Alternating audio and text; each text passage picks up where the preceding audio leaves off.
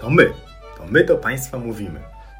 Tomasz Batko. Mateusz Kosiak. My jesteśmy lekarzami, twórcami portalu eduson.pl I postanowiliśmy trochę urozmaicić portal eduson.pl i zamieścić na nim podcasty.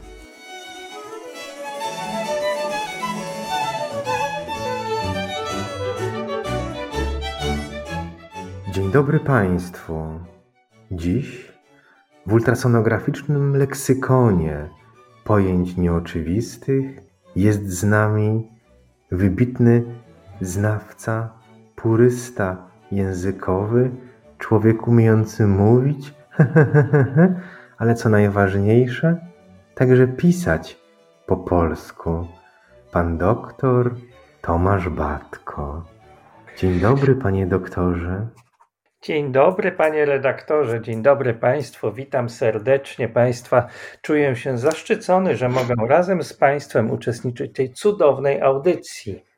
Dziś słowo czteroliterowe, zawierające polską literę. Słowo, które pojawia się czasami w opisach badań ultrasonograficznych, ale tak dosłownie, cóż ono oznacza?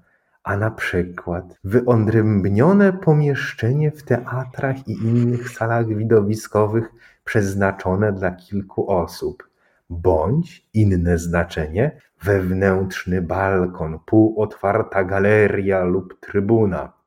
Ale dawniej to słowo oznaczało miejsce zebrań angielskich związków i architektów oraz społeczność wolnomularską, albo jednostkę organizacyjną ruchu wolnomularskiego, a także miejsce zebrań wolnomularzy.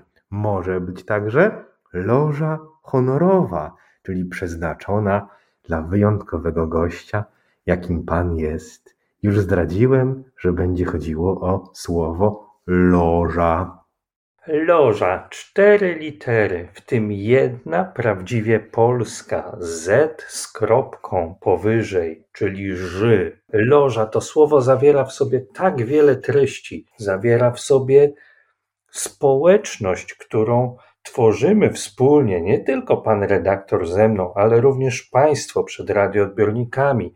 Razem znajdujemy się w tym wyodrębnionym pomieszczeniu, w tym teatrze dzisiejszej audycji ale ta loża towarzyszy nam również w naszym świecie medycyny. Ta loża jest niczym niezwykłym dla tych z nas, którzy na co dzień obcują z pacjentami, którym wykonują badania ultrasonograficzne. Bo ta loża to jest tym miejscem, które niejednokrotnie oceniamy u naszych pacjentów. To jest ten wyodrębniony teatr akcji ultrasonograficznej. To jest to miejsce, ta scena, w której poszukujemy aktorów, aktorów, którzy stanowią istotę chorób naszych pacjentów. To może być loża po usuniętej nerce, to może być loża, w której typowo znajdują się jakieś zmiany lub organy. To może być w końcu przestrzeń, w której poszukujemy pewnych patologicznych zmian.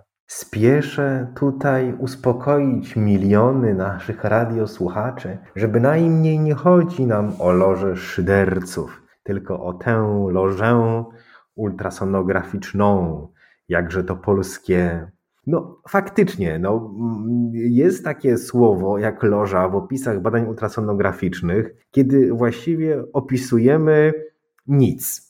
Kiedy opisujemy obszar, w którym kiedyś było coś, a teraz tego coś już nie ma i ten obszar jest wypełniony przez coś innego, bo czynnościowo na przykład nic. No bo przez to na przykład jest wypełniona loża potarczycy.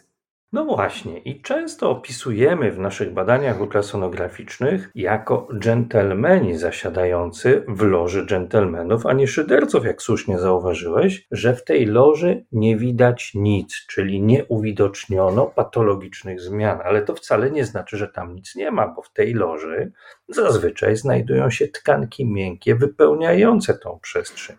Mówimy w tej chwili na przykład o loży po usuniętej tarczycy. Natomiast to jest duże wyzwanie dla tych z nas, którzy oceniają tego typu miejsca po zabiegu, bo one dynamicznie zmieniają swoją formę, zmieniają swoją zawartość w zależności od tego, ile czasu upłynęło od zabiegu, jak rozległy był zabieg, czy był to zabieg powikłany różnymi procesami zapalnymi, procesami chorobowymi, tworzącymi się zbiornikami płynowymi, czy być może wszystko przebiegło gładko i płynnie, i wówczas rzeczywiście w tej loży widzimy tylko prawidłowe tkanki miękkie. I Choć to... z lożą, przepraszam, że ci wejdę w słowo, Mhm. to może być tak, że jak jest płynnie w loży, to nie znaczy, że bezproblemowo, bo na przykład w takiej loży po pęcherzyku żółciowym, jak jest płynnie, to może być krwiak, a może być ropień. I to samo może znajdować się w każdej innej loży, po każdym innym narządzie, czy po każdych innych tkankach, które usuwamy w czasie zabiegu. Wielu z nas traktuje ocenę loży po zabiegu operacyjnym tak dość błaho, dość pobieżnie, najczęściej wklejając w opis badania takie sztampowe zdania, na przykład loża po nerce wypełniona pętlami jelitowymi, loża po pęcherzyku żółciowym bez widocznych zmian patologicznych, w loży po prawym płacie tarczycy widoczny kikut płata tarczycy. Na przykład w ten sposób opisujemy. Ale ci z nas, którzy dogłębnie oceniają te okolice, wiedzą, jak trudna jest ocena tych obszarów w badaniu USG. Jak trudno jest dokładnie ocenić zawartość tej przestrzeni, żeby nie pominąć na przykład niewielkiej wznowy nowotworowej w miejscu po usuniętym guzie nowotworowym, czy nie ominąć różnego rodzaju zmian patologicznych, w tym zapalnych czy ropnych, które mają prawo tam powstawać. Jeżeli mówimy o tarczycy, to w takiej ocenie loży po tarczycy pomaga to, że pacjent przyjmie postawę siedzącą. Jeżeli mówimy o loży o popęcherzyku żółciowym, pomaga to, że pacjent przyjmie pozycję stojącą bądź leżącą na lewym boku. Natomiast to, co powiedziałeś, to moim zdaniem jest tak naprawdę ok. Takich sformułowań można używać. Ja na przykład nie lubię takiego sformułowania jak loża wolna. Może być również loża szybka. Być może to o to chodziło autorowi. Ja w ogóle nie lubię takich sformułowań w tego typu opisach, które są bardzo jednoznaczne. Bo ja bardzo często mam wątpliwości, czy na przykład loże po usuniętej nerce jestem w stanie dokładnie ocenić badanie USG. I według mnie bezpiecznie i uczciwie jest napisać, że nie uwidoczniłem patologicznych zmian, niż że ta loża jest wolna. Wolna to znaczy co? Niezbyt szybka, czy być może wolna od jakichś innych patologicznych zmian, albo wolna od w ogóle jakichkolwiek tkanek. Wolna od zmian patologicznych. Ci, którzy używają słowa wolna, w domyśle używają skrótu wolna od zmian patologicznych. Ale z drugiej strony antidotum na wolna jest szybka bądź zajęta, nie? No właśnie, i zajęta czym? Tkankami, które mają prawo się tam znaleźć? Zazwyczaj tak jest, no bo świat nie lubi próżni, nasz organizm też wypełnia się różnymi tkankami. To jest oczywiście dyskusja czysto taka akademicka, trochę spieranie się z formą języka pisanego, który wcale, jeżeli chodzi o język polski, prostym nie jest i sami tego doświadczamy, czytając nasze własne opisy. Często wstydzimy się tego, co kilka lat temu chcący bądź niechcący udało się nam napisać naszym pacjentom. Chodzi nam przede wszystkim o to, żeby w treści naszego opisu była ukryta jednoznaczna odpowiedź.